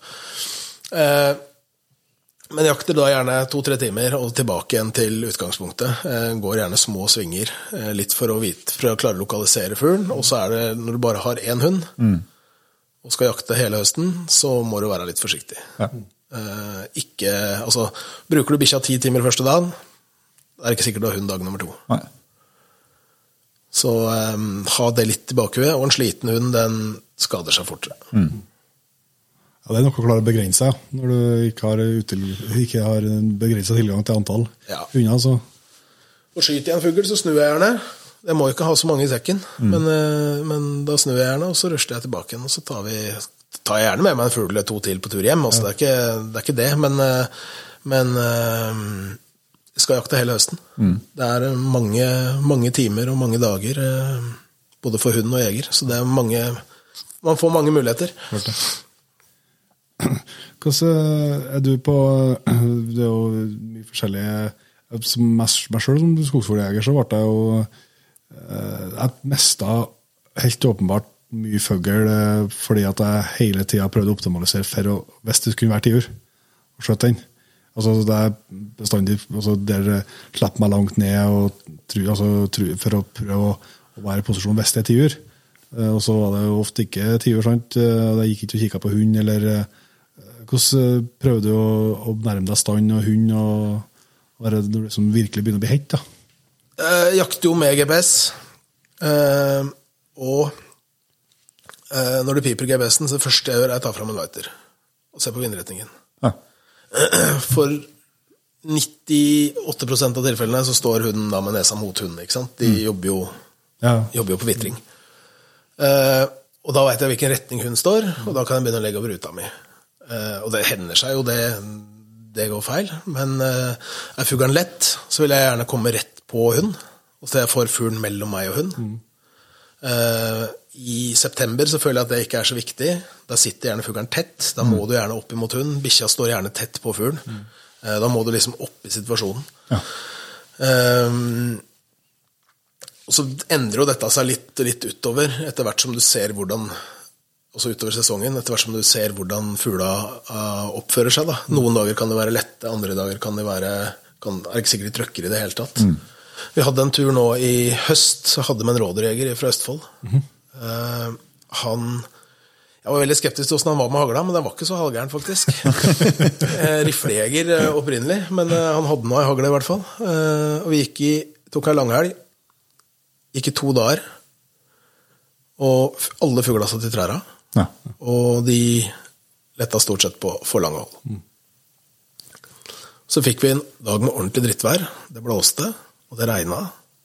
Ordentlig ufyselig. Og plutselig trøkka alt. Ja. Og da hadde vi tre fugler i sekken på Han skjøt vel to av de, tror jeg. Ja. eh, På uh, bare litt av driterstønn. Men da hadde vi prøvd i to dager å prøve å justere oss etter fuglen. Prøve å dele oss, komme inn, ikke sant. Ja. Fra forskjellige kanter, og ingenting som funka. Og plutselig så fungerte alt. Eh, Fuglen trøkka som det skulle vært uh, 10. september, og, og, og da måtte vi plutselig legge om hele taktikken igjen. da. Ja. Uh, og prøve å komme tett på hunden igjen. Så um, det å justere seg hele tiden uh, Du må gjerne ha mer enn én fuglesituasjon om dagen, da, skal du kunne klare det. Men, eh, men eh, det ligger liksom en rød tråd i det. altså Fuglen blir jo skyere og skyere utover sesongen. eh, Etter løvfall og under løvfall, og, og så kommer plutselig snøen igjen. Du får det første snøfallet. Eh, Ti centimeter med puddersnø. Da koser jeg meg. Da trøkker det igjen, og da kommer du tett oppi, og stort sett Du kan slå bord på bakkene og Ja, og så får du stort sett eh, gode situasjoner, da. Eh, Altså, vi snakka litt om, eh, om det før vi satte på mikrofonen her, også det med opp mot hund, sånn, viktigheten av å, å eh, la hund bygge erfaringer i alle mulige forhold. ja. Det var litt, litt inn her sammen, både, både Ja, altså. Det er jo en teori jeg har gjort meg, om at eh, hvis du skal bli god under alle mulige forhold, så må du få prøvd deg under alle mulige forhold òg. Du kan ikke bare være en godværsjeger. Du, kan ikke bare- du kan ikke gå mot vind, bare trene og jakte mot vind hele tiden. Eh, og sånn som Seint i sesongen så vil jeg gjerne, kan jeg ofte velge en tur hvor jeg går store deler av dagen med vind i ryggen. Ja. Um, hvis fuglen er lett. Ja. For da legger jo bikkja seg ut, mye lenger ut, eh, utvider søket sitt og jakter seg inn mot meg for å jakte på vind. Ja. Og da vil jeg også mye lettere få fugl mellom meg og bikkja. Ja. Som bikkja er uheldig, så kan jeg ha griseflaks, og tiuren kommer rett på meg. Eller at jeg klarer da å få låst fuglen mellom oss, sånn at det blir enklere for meg å velge en rute. Og går jeg da i en helling i tillegg, da, så har jeg da mulighet til å kunne slippe meg ned, som du sa i stad. Og, så- og så vil jeg mest sannsynlig eh, Eller da kan fuglen mye lettere da, for å komme, komme på meg og gi da en god sjanse. Men det å, det å eh, være ute, i, om det snør, regner, blåser, og så har du bestemt deg for å gå ut, så gå ut, ikke, ikke vær redd for vær og vind, kle på deg isteden. Altså. Jeg, tror det, jeg tror det kan gi god, lage, skape gode hunder. Ja. ja, det må jo, må jo være sånn. Altså, hvis de, altså, det kan jo en ting, en ting er liksom i, i innjaginga og måtte få møte de første situasjonene på så god, god kontroll i er jo sikkert ikke dumt det heller, men, men etter hvert når hun vet hva han skal gjøre, og lett den bygge erfaringer og, og, og lære seg for, altså, det, jo, det skjer jo fort på, på erfarne hunder. Altså, hva, det er akkurat som de, altså, Dere må være tett på fuglen, altså hva som tåles. Det er jo med å lære seg. Og hvordan, og hvordan man gjør, altså hvordan hundene finner ut det. Om fuglen i dag tråkker eller, eller er veldig lett, det er vanskelig å si. Men det er ikke tvil om at noen hunder er veldig gode til å variere behandlinga av fuglen ut ifra hvordan de er akkurat i dag. Ja, uten tvil. Uten tvil. Vi fikk jo fikk jo grisehjuling på takstering nå på kjempetørre, altså på kjempetørre forhold eh, under taksteringa i- av en langåreforster. Det er jo Hadde ikke bikkja vært så god, så jeg ikke, hadde jeg ikke turt å sagt det. Men, eh, men, eh, og der var det nok åpenbart eh, tempo. Eh, kanskje, altså jeg vil tro at kanskje tempo til hund. Hun holdt et lavere tempo, mye tyngre hund. Tispe på 25-30 kilo eller noe sånt. Ja. Mot min på 15, som skal da altså, La oss si hun holdt 10, 10 km i timen i snitt av sted, mens min holdt 15-16. Ja. Sjøl om det var dritvarmt og tørt. Ja.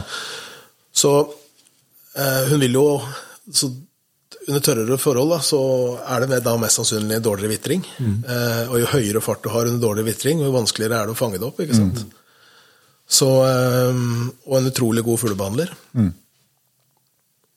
Nå har jeg gjort det òg, skryte av en langarmforsker på, På riksdekkende. på riksdekkende. Men, eh, men eh, nei, han fortjener det, faktisk. Det er, eh, det er eh, så, så jeg veit ikke. Kanskje noen hunder er flinkere til å justere hastigheten sin hvis de veit det er dårlig vitring. Eh, eh, noen hunder de er flinkere til å bruke biotopen. Eh, noen er best på å bare løpe. Eh, som vi sa i stad, hunder er jo som mennesker. altså Vi er forskjellige individer, og ingen er like. Eh, og så får man muligheten til å prøve og feile. Det er jo som oss mennesker. Altså, eh, er du fire år og tar på kokeplata, så brenner du deg. Da er det ikke sikkert du gjør det igjen. Nei. Iallfall ikke med vilje. Nei, ikke sant? Ja, godt poeng. Godt poeng. Eller så må du prøve en gang til for å sjekke hvor vondt det egentlig var. Ja, så vondt. Det er noen som er mer uh, tungere enn de andre. Ja, det er det. Eh, Men det, ja, bare fortsett, du. Nei, altså dette, dette blir jo bare teorier fra min side. Det er jo, det, som eh, er, det som er hele målet her. det er jo eh, Men man får jo litt tid da, til å sitte og gruble og tenke eh, i løpet av et jaktår. Da, eh, da eh, Det er helt sikkert noen som er uenig, men eh, det er i hvert fall de, den oppfatninga jeg har fått, at, eh, at det kan lønne seg å, å være ute i all slags eh, vær og føre. Derfor å oppsøke det, er for å få de mening. Ja, jaggu godt. Og så, ja, så, er det litt sånn så, så, at man får den hunden man fortjener. Det er er helt sikkert. altså Den tida du legger ned, og da, jeg mener da spesielt fra du får hunden i hus, til hunden er, eh, altså går ut av ungenstadiet ved en toårsalder. Mm. Den tida du legger ned der, den eh, tror jeg du får smake på resten av, resten av hundens liv. altså. Men du sa jo, du sa jo det med, med, Emma at uh, du presenterte henne for, for tamfugl først når hun var, når hun var 11 måneder. Ja. Hvordan, altså den perioden fra du fikk hjem henne når hun var 8-10 uker og fram til da? Hva, Da trener jeg eh, legaport, Mm. Kaste litt uh, fuglelik og andre ting. Uh, capser og luer og sko. Og, og hvis bikkja plukker opp noe for å gnage på det, så kan jeg heller rope på og rose han når han kommer, det, kommer med det til meg. Eh, jeg trener sitt eh, i alle mulige situasjoner. Eh, og jeg trenger ikke også sette av en time til det en dag, men det kan du ta inne. Kaste en ball inne, be bikkja sette seg før hun løper for å ta den. Og, så, eh, og når sånne ting fungerer, så kan du så når du har fått til et moment da, som er veldig enkelt, eh, som for eksempel eh, La oss ta sitten, da. Hvis du kaster ut en godbit, eh, en tørrfòrknupp eller et eller annet, og så løper bikkja og tar den, eh, og så ber du å sette seg etter å ha tatt den, eller før å ha tatt den. Så setter hun seg på veien bort til den. Så kanskje du bytter ut den da etter hvert med en diger, feit, saftig kotelett. ikke sant? Bare for å få, få hunden til å sprekke, sånn at du kan korrigere det. eh, For å forsterke da eh, de kommandoene som blir gitt. ikke sant? Betydninga av det. Betydning av det, ja. Eh, og så jobber jeg mye med kontakten. Jeg har gjerne med meg hunda overalt. Ja. Eh, på jobb, eh, i skogen, på en ølkveld hos kompiser. Ja.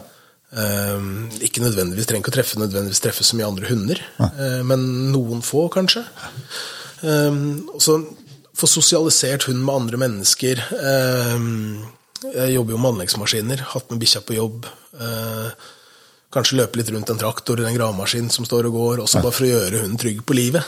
Eh, en trygg, mentalt balansert hund den gjør sjelden noe gærent mot andre mennesker eller andre hunder. Altså Bare prøv å forme hunden sånn du ønsker å ha den i eller sånn som jeg ønsker å ha den i livet mitt. da. Eh, Jeg har hunden i senga hver natt. Ligger jeg, på, Jeg har to puter. En stor hotellpute, der ligger engelsetteren. Ett hakk lenger ned, der ligger jeg. Hadde ikke jeg, hadde ikke jeg ønska det, så hadde jo ikke det skjedd. Ikke sant? Eh, og det, der, det å være konsekvent, da eh, Hadde vi da bestemt oss for at vi ikke skal ha hund i senga eller i sofaen, så kunne heller ikke jeg gjort det når kjerringa ikke var hjemme. Bare fordi jeg syntes det var koselig. Ja. Fordi da, da blir det sendt sånne tvetydige signaler som eh, gjør at hunden vil prøve seg. Så hun får ikke lov til å spise hønene. Det veit jeg. Hun får lov til å apportere egg. Det får hun lov til. Selv om det er masse høner der. Men hun får ikke lov til å røre hønene. Så de rører jeg ikke. Eh, hun får ikke lov til å røre endene. Eh, hun får ikke lov til å løpe inn til hesta. Det har hendt seg hun prøvd seg på og fått noen karameller fra strømgjerdet. Eh, og da går hun, da går hun knapt nok på utsida av porten. Men det derre Bestem deg for hva du ønsker, hvordan man ønsker å ha hunden hjemme, og så eh, være konsekvent på det. Er det greit at hunden sleiker deg i ansiktet? Ja, ja, så la den sleike deg, da. Men hvis du ikke syns det er greit, så lær den det med en gang. Og så vær konsekvent på det. Fordi da slipper du det etter hunden er to år. Da trenger du ikke å tenke på det. Eller etter han er tre år. Noen er sikkert som meg, jeg får litt vanskeligheter for å lære òg. Men, men, men sånn på generelt grunnlag, da. Være konsekvent og forme hunden sånn du vil at den skal være hjemme. Fordi, som jeg sa i stad, at den hunden den er mest hjemme. Om du ikke har den med deg. Men om du har den med deg bort òg, så vil du også at den skal oppføre seg. Ja, ja, ja. Nei, jeg er veldig Jeg er helt, helt enig i Det er også eh, Det er jo ikke så Det høres veldig enkelt ut, og så er det jo litt, litt vanskeligere i praksis enn eh, Men det er klart, det handler jo som du sier, om å bestemme seg og vite liksom for seg sjøl hva som er rammene. Og være, også ikke, også kanskje ikke heller være overambisiøs i det man skal altså, sette rammene. Sette rammer du vet du er i stand til å følge opp, og som du følger opp konsekvent. da. Jeg er jo et godt eksempel på hvor dårlig det går an å være på konsekvens. Fordi jeg er konsekvens på at hunden skal være rolig i oppflukt til han er to år. Sirkus. Så er jeg ikke konsekvent, konsekvent lenger. Nei. Og derfor eh, lykkes jeg heller ikke i, På på, på AK-prøver. ikke sant? Altså, når du stiger over i, går over i en annen klasse. Ja. Og der er ikke jeg konsekvent nok. Hadde jeg lagt bort hagla og vært konsekvent der, så hadde jeg fått det til. Mest sannsynlig. Ja. Men jeg har jo hund fordi jeg elsker å jakte. Det er jo det som er lidenskapen min. Ja, ja. Og fly på prøver det er dyrere enn å jakte. Altså Det er 3000-5000 kroner fra ei helg, ikke sant? med overnatting, kjøring, påmeldingsavgifter. Mm. Det er jo en grunn til at snittalderen på prøvene er såpass høy. Det er, eh, det er noen millioner med bi- bil som ruller inn på, inn på en sånn prøve. Så, så eh, Men det er jo ikke dermed sagt at man ikke kan stille på prøver. Nei nei, nei Men man trenger kanskje ikke å stille på åt- ha en hund og stille på 80 prøver, f.eks. Jeg tror jeg har åtte starter på Emma nå. Eh, men du trenger ikke å stille før du er sikker. Uh, men jeg anbefaler alle å prøve det. Fordi uh, det er litt med det der å knytte, knytte nye bekjentskaper. Og det kan du også gjøre i en lokal fuglehundklubb. Så du har jo, I alle distriktene så er det jo, Klubber, er det jo klubber. Eh, og dra på medlemsmøter og treffe mennesker, og, og da får du kanskje trenings... Altså du får eh, nye treningsvenner, partnere, du kan dra på treningssamlinger med, eller bare reise på skogen, en hyttetur på fjellet. Kanskje noen har ei hytte på fjellet, du kan eh, få lov til å bli med på å trene hund. Jeg har jo vært så heldig jeg òg, at jeg har fått vært med folk, ikke sant, og ut og trene. Og da får du jo også lære. Se hvordan andre gjør ting. Mm. Kjempegøy å se andres hunder. Hvordan de jobber i forhold til din. Bra. Hvordan, eh, det, skal, det, vi, vi, må det flere ting vi er innom her før vi eh, på, eh, Det er jo alltid en eh, ting som må spørre om eh, når du snakker med folk som har felt en del fugl. Hva, hva sverger du til på ammo-sida? Jeg går ja, Tenker du fabrikat, eller tenker du Ja, størrelse kanskje første gang. da. Eh, Jeg går stort sett konsekvent med femmere. Ja. Raske femmere. Ja. Enkelt og greit. Gjerne over 400 meter i sekundet. Um, hvorfor? Vet ikke. Funka for meg. uh, enkelt og greit. Uh, Du har sikkert et fabrikat du satte ned Ja, på. eh, jeg bruker jo stort sett Barskeri. Plageri. Eh, etter at eh, de de ble tatt inn på ei sjappe i Lillestrøm, så eh, var jeg ute og prøveskøyt litt. Og det har gått godt i de børsene jeg har prøvd i. Jeg har ikke prøvd i i den børsa jeg har nå, eh, på papp. Men fuglen detter, så tenker jeg kanskje greit å la være. Bare leve i trua. Ehm, nei, vi har, planlagt, vi har planlagt å ta en uh, testrunde igjen uh, nå til våren, så får vi se om det blir noe av. Sette av en dag, og så, og så banke og skyte, skyte en del. Men, eh, men det viktigste er vel å fly litt på banen, tenker jeg. Og så spiller det egentlig ikke så stor rolle hva du, hva du bruker, så lenge det er litt trøkk i det. Um, og fly med en Nei, jeg bruker stort sett en rask femmer eh, hele året. Og da um, har, du en, har du en patron med god som samler godt i børsa di, og, og, um, og du er på, så, så detter det, altså. Om det er en tiur på 4950 gram, eller, eh, eller om det er ei århøne. Om det, er- er årsfugl eller om det er voksendyr. ser. Så lenge du er innafor et vettet- er skuddhold. Ja, Det er nok eh, avstand som er det mest avgjørende. Ja, jeg tror det. Avstand og treff. Så nevnte du at du, du jakta med, med GPS. Jeg har jakter med GPS, ja. Har du klokka, eller? Nei, får- det har jeg ikke. Men nå røyk eh, klokka til kjæringa nå, så det kan hende vi investerer i en ny en før høsten. Så kan jeg kjøpe ei klokke til hun, og så kan jeg låne den. Lurt. Låne Det var jævlig det var smart. Så da får jeg goodwill der, Ja. og så får jeg låne den under jakta. Og så, får- nei, vi får se. Eh, har ikke veldig, egentlig veldig stort behov for ei klokke. Eh, det peker stort sett ut retningen på der bikkja er, hvis jeg ikke veit det, og så, og så går jeg den retningen. Ja, det, det der har vi snakka om mange ganger, Petter, at, vi, at det liksom de, de Garmin-klokkene der, du- der du får kobla GPS-en dit, det må, må jo være helt optimalt på, på jakt med fuglehund. Ja, eh, for så vidt er det jo det. Du har jo, du har jo klokka lett tilgjengelig, og, og, men det fineste, det beste med den funksjonen er jo at eh, hvis du har med deg noen som har klokke, Ja. så, så slipper du å sitte, stå og fortelle Hvor står han nå? Nå står nå? står bikkja borti der, og nei, nei, ikke gå, gå lenger dit. Og jeg hadde med, hadde med en eh, Det var det i fjor, eller? Hadde med en førstegangsjeger. Ja. Han eh, Bikkja står, jeg skal prøve å få han i riktig posisjon. da. Bare finner jeg meg en plass som kan, kan hende det kommer noe, og så skal jeg prøve å styre han opp. da. Og går du opp dit, og så går du opp til den eh, trerekka der, og så går du rett ut på hunden. da. Da var jeg ute mot et uh, hogst eller et plantefelt. Og jeg ser han går opp. Bikkja sto til venstre for han. Han går opp. Og du hadde tydeligvis ikke tatt 'gå til venstre' når du kommer dit. Gå til venstre. Da gikk han til høyre. Jeg så bare den røde lua hans forsvant inn i skauen. Så måtte jeg, vi prøvde å være litt stille. Da. Så jeg måtte stå og rope på han da, om å gå tilbake igjen. Men eh, den fuglen den fløy jo helt gærne veien, både for oss begge. Ja. Men han, han fikk nå skutt seg en fugl, han òg, i løpet av den turen. Ja.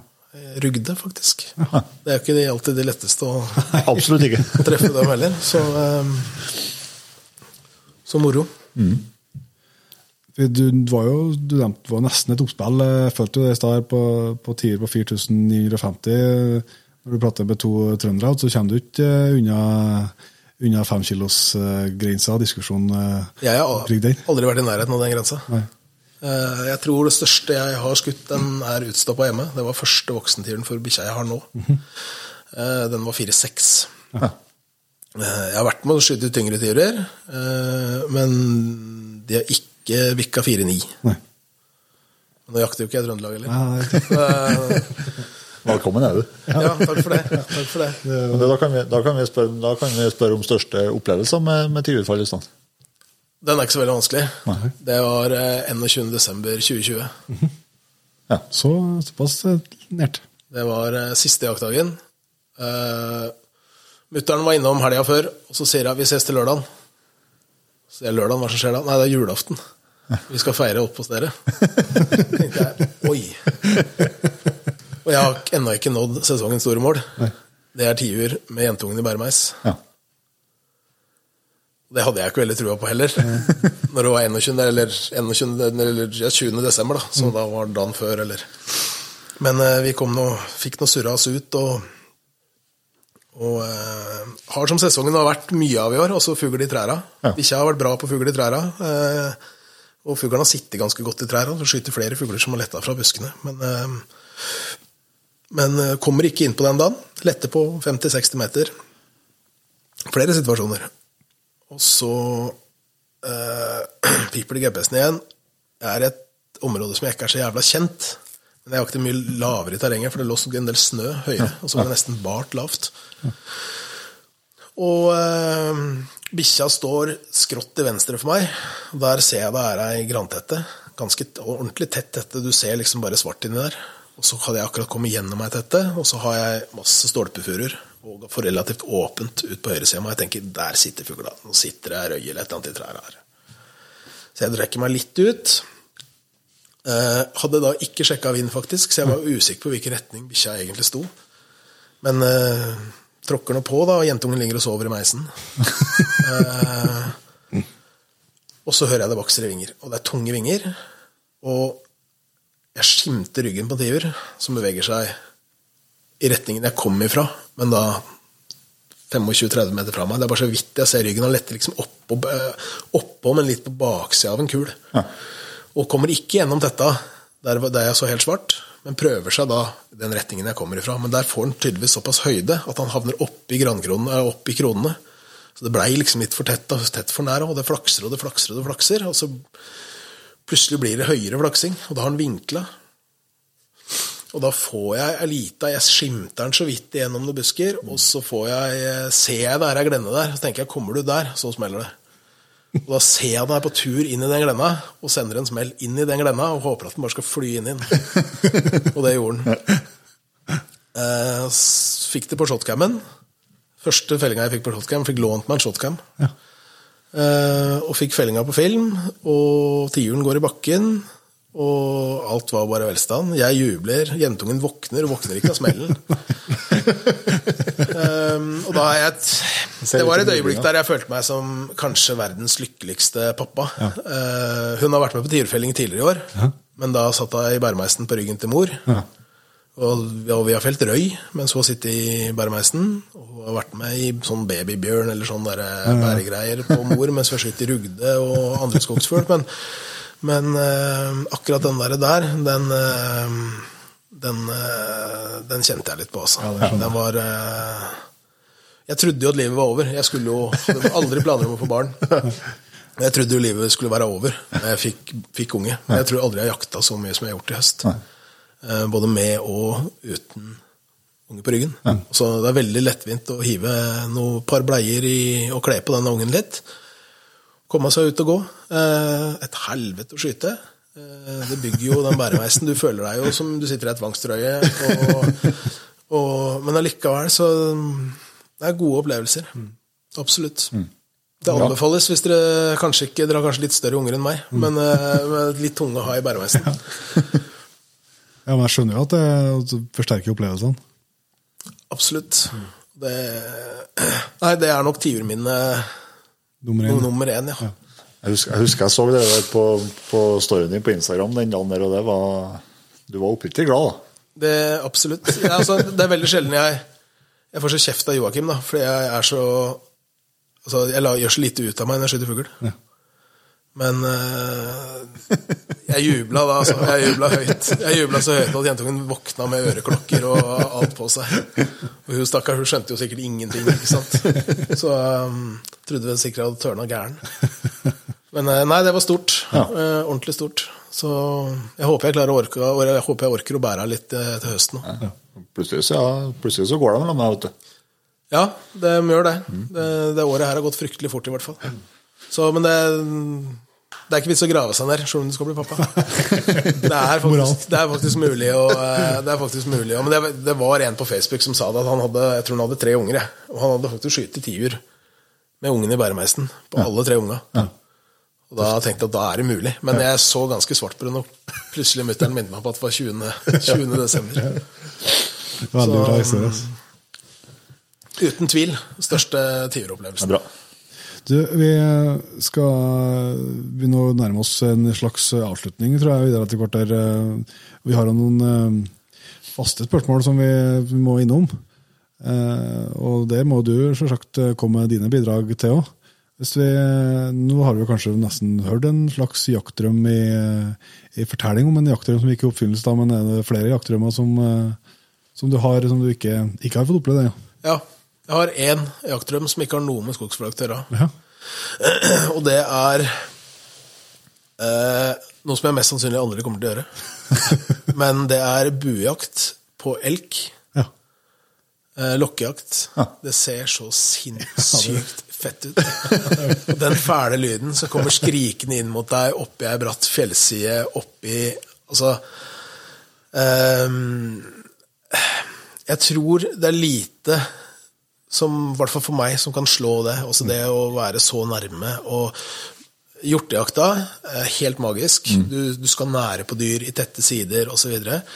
Men den derre den derre skriket fra den derre altså, Jeg kan sitte jeg kan sitte og titte på timevis med filmer av det. det er, eh, men ikke har jeg bue. Jeg har knapt nok skutt med bue. Eh, og det koster sikkert masse penger. Men kanskje en gang. Ja, ja. Men sånn en drøm kan, bør være. Kanskje en gang. Det, ikke, det må ikke være sånn at du må, må gjøre det, men du kan ha drømmen uansett. Ja, ja, drømmen er der. Så, så eh, nei, det er, en, det er en ting jeg kunne tenkt meg å oppleve. Det er um, Ellers så kunne jeg godt holde meg i Norge, altså. Det er å, å drive med skogsfugljakt og, og skyte rev på åte og, og, og de tinga der sånn. Men skal jeg utenlands og oppfylle en drøm, så er det det, tror jeg. Ja. Veldig bra. Kult. Hvis du skal mm, gå litt på utstyr, da, igjen, eh, Vidar. eh, Hvis det er noe utstyr du som har kjøpt eller du har fått den siste tida, eh, er det noe du vil trekke fram da? Det må være hagla mi, da. Men Ja, det er det, er klart, det er lov eh, det er klart eh, Jeg er jo ikke en som bruker masse penger på utstyr, egentlig. Eh, Men eh, jeg tror ikke jeg gjorde noe dumt valg i å bruke noen tusenlapper på ei ny børse. Ei børse som passer, og, eh, og ikke minst bruke tid på skytebanen min. Det er um... Hva var erfaringa med du sa at du ikke har så, men hva er Shotcam? eh, Ble det bra film, eller? Ja, jeg syns faktisk den ble overraskende bra. Mm. I hvert fall når du treffer. Jeg prøvde den jo på noen kråker og sånn hjemme, men det, det blei bare bom. Eh, så forladningen traff kråka, men jeg skjønner ikke hvorfor han ikke datt. Så, så nei, eh, jeg har jo bare lånt den shotcamen, Eh, og det er jo ikke noe jeg ønsker å se masse av i en jaktfilm. Sånn egentlig. Eh, men allikevel så Ehm, er det et godt verktøy, da. Ehm, det ser jeg jo. Altså, du ser jo fort uh, hvor du egentlig ligger hvis du skyter inn dette her riktig. Så ser du jo fryktelig godt. Og så får du jo selvfølgelig noen situasjoner hvor du ikke skjønner i det hele tatt hvorfor du bommer. Ja, ja. Men, eh, men eh, jeg har nå bedt om å få låne denne shotcammen litt til. Ja. Og så skal jeg prøve den litt på banen. ja. Og så se om jeg kanskje kan få dratt litt nytte av det, av det framover. Vi har jo kjempefint Det er kjempefint baneanlegg her oppe, så det er både med sporting og trapp og skit og Så når jeg får igjen børsa, så skal vi få svingt av litt, tenker jeg. Altså det, jeg synes det, er så- det er fascinerende å se på en del av shotcam-filmene der man er på tiur eller på blåhane, eller hva det er, og så se hvor virkelig hvor langt framom du skal være, du skal være for, og så tenker jeg at det der må det bli, og så bare klappe fuglen fullstendig sammen og dette. Ja, og så kan du i mitt tilfelle se at å ligge tre-fire meter foran en skogsfugl, det funker også jævla dårlig. Ja. Så eh, jeg har skjønt at jeg har hatt en tendens til å skyte altså de, Spesielt de sjansene hvor du får uh, utrolig god tid. da. Vi prata så vidt på det i stad. Ja, ja. Den, den tiuren som kommer flyvende over deg, eller, eller den tiuren som kommer seilende helt åpent over myra, eller Den som er død. ikke sant? Hvor du da gjerne skyter bak fordi du blir for passiv på første, og så skal du dra på noe grisejævlig på andre, og så skyter du fire meter foran. Ikke sant? Det spruter vann av myra. Så tenker du at hva er det jeg driver med? Og så du bare går ned i knestående og tenker at det der kunne jo vært årets Det kunne vært årets uh, tierfelling, ikke Ja, ja, sant? Um, så jeg tror kanskje du kan, man kan bruke den shotgamen som et verktøy. Uh, for meg så gir det kanskje ikke de beste jaktfilmopplevelsene. Uh, det har vel, nå har jo dere spilt inn litt nå. og Det er klart eh, det, er klart, eh, det å ha en fast kameramann som går bak, det skaper jo mye bedre kvalitet. ja, ja. Ja, ja, ja. Men, men det er klart, eh, kjører man et enmannsshow, som, som mange gjør, så har man jo ikke noe valg. Nei, du kan jo ikke også- leie inn en kameramann for å følge deg en hel høst. Da, da blir det ikke noe jakt, elgjakt, i hvert fall. Nei, og så får du jo så får du jo en fin måte å ta vare på minnene på et vis. Også, det som jeg syns er kult med at det kommer stadig flere sånne ut, det er at eh, det skjer jo av og til helt sinnssyke ting. Spesielt på skogsfugljakt, som, altså, som du plutselig får, eh, får film av, liksom. Når de kommer, kommer flygende rett på deg, eller eh, Ja, eller når jentungen sitter i Yes. Så du får med liksom eh, en greie på det, da. Ja, ja, absolutt. Absolutt. Og Det, mm, det er sånn som jeg husker jo ikke det er som vi pratet på sted, Jeg husker jo ikke de første skogsfugla. Jeg husker kanskje ikke første tiuren. Men, eh, men det er klart, får du det på film, så har du det jo. Ja, ja. Det er jo eh, Det er en verdi, det. Dette shotgun fantes ikke den gangen jeg begynte å jakte. Og knapt nok farge-TV, si. Nei, så jeg er ikke så gammel, da. Jeg er ikke så gammel. eh, heldigvis. Men eh, vi har jo fått mye tips eh, fra han og Vidar, både når det gjelder jakt og hund her, men eh, hvis du skal koke det ned til det du syns sjøl er et beste jakttips, hva lander du på da? Eh, Ett konkret jakttips. Det må være tålmodighet. Ja. Vær tålmodig. Også om du er ute etter gullbukken, om du er ute etter hjorten i lia, om du er ute etter å spare penger for å komme på en elgjakt, eh, om du jobber med hunden din, eh, om du venter på første tiurfellinga di, vær tålmodig, for det, det kommer. Så lenge du bygger deg erfaringer og, og drodler litt eh, gjennom hver jaktdag, eh, hva du har gjort, hva du kanskje har gjort feil, og er tålmodig, så kommer du til å lykkes til slutt. Ja. Veldig bra. Fantastisk. Vi har jo fått en masse gode historier fra deg og Vidar. eh, Det, var jo, det føltes jo nesten som den avslutningshistoria i stad her med, med den tiuropplevelsen, men eh, det er jo litt sånn at vi bruker å avslutte med ei jakthistorie før vi takker av gjesten. da. Ja Har jeg ikke brukt opp alle nå? jo, jeg har en god en. Som ikke endte i felling. Men eh, jeg har jo, har jo hatt med Joakim et par år nå.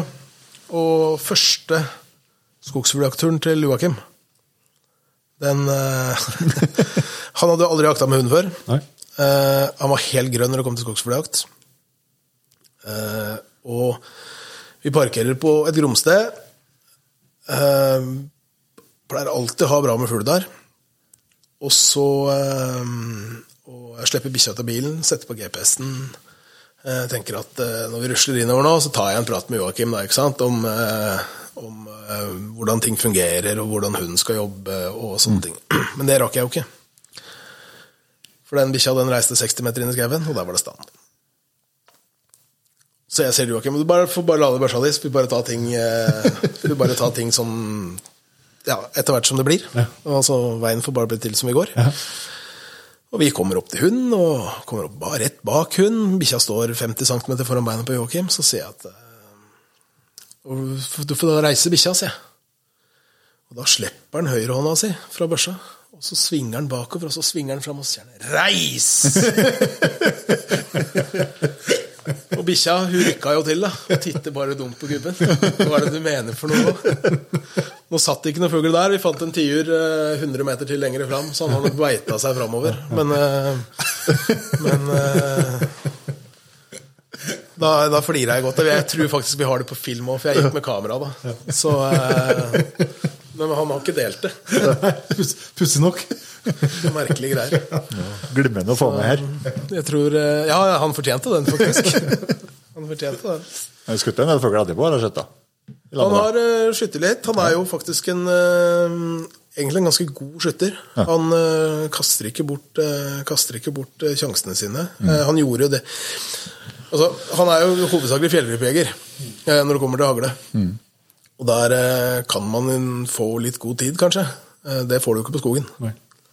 Så det har blitt litt sånn derre eh, Skulle jeg skutt der? Så, ja, der skulle du nok ha skutt. Eh, Må kalibrere seg, liksom. da. ja, han måtte kalibrere seg litt, men uh, han fikk jo skutt i fugl første turen. Vi var av gårde, Uh, og vi fikk det på film. Og, eh, og eh, han er jo Når han først skyter, så treffer han som regel. Eh, om det er rugde eller hva det er, men det er ikke alltid han er helt klar over at han treffer. Så han spør alltid etter han har skutt. Traff jeg? Men, og da han jubler. Ja. Han er sjeleglad. Så det Givende. Artig å ha med sånn type. Ja, ja, absolutt. Absolutt. Det er uten tvil. Bra, Vidar. Jeg synes Det var rett og slett en nydelig avslutning. Eh, Så skal vi si tusen takk for at du tok imot oss på kort varsel til og med å slå til slå en prat med oss. Takk for at jeg fikk være med. Så vi håper noen syns det er hyggelig å høre på. Det er jeg er ganske sikker på. Ja, vi håper det. Det var altså rett og slett Vidar Nysæter. Fantastisk trivelig kar. Ja, ja, ja. Absolutt. Og historieforteller eh, av rang, må jeg si. Det var imponerende. Ja. Sjelden nesten å treffe folk sørant som er så bra til å fortelle. Nei, Kjempeartig. Eh, artig å få prate fuglejakt og skogsfugl. Det, det er jo noe som ligger hjertet vårt nært. Det er det. Det er det. Men eh, jeg tror ikke vi skal drygge det så, så mye lenger. Vi, vi har jo en, igjen gleden av å følge opp en fantastisk tradisjon med å takke nye medlemmer i P3-jaktlaget. Og Vi hadde jo P3-episode sist uke, og da vokser jo laget på seg, og det er artig, artig å se. Så jeg tror vi bare starter på toppen og sier tusen takk til Halvor Gresseth, Arne Støholden, Mats Erlend Lund- Lundemo, Markus Nybråten, Andersen, Jarle Nymoen, Tore Rønåsbjørg, Kim Marius Hagebråten, Kai Høsven, Jonas Hegseth, Thomas Lande, Svein Hagensen, Jebe Berg, Andreas Eriksson, Svein Arne Nordli, Anders Kolstadbakken, Jakti i Sollia, Håkan Husflon, Arild Fossheim, Ole Love, Espen Øverby, Sven Bredo Gassmann Erik Skogen, og Gry Heidi Ruud Vetal, Martin Søreng, Fredrik, Tor Eriksen, Daniel Himo, Hans Jørgen Holden, Torstein Rørstad, Jan Lien, Geir Langseth, Raymond Nilsen, Jonas Berg Kristiansen, Cato Brusveen, Hans Bjørnvolden, Anna Aspås, Morten Langseth, Halvor Kveseth, Jostein Tveiten Erik, Erik Embeland. og Kim Torkil Lyngstad. Tusen hjertelig takk til alle på den lange lista der, og selvsagt til hele jaktlaget som, eh, som gjør det mulig for oss å drive Jegerpodden. Eh, Det nevnte vi kanskje ikke i starten her, men eh, i, i forbindelse med lanseringa av, av serien, så vil det være sånn som vi har nevnt før, at Patriens vil få se episoden en dag før. Så der kommer første episoden ut av serien allerede samme dag som her er helt nytt. Og så vi legge ut på, eh, til Patriens på fredager og til allmuen på lørdager. Yes. Så det, Men eh, da tror jeg vi ses om neste gang. Vi høres. Yes.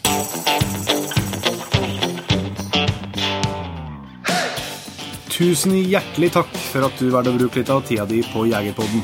Sjekk ut jegerpodden.no eller din din favorittpodkastspiller for enda mer innhold og flere episoder. Følg også Jegerpodden på Facebook og Instagram, og ikke minst, husk å fortelle alle gode venner, familie og tilfeldige forbipasserende om Jegerpodden, sånn at vi får spredd det glade budskap videre. Vi høres.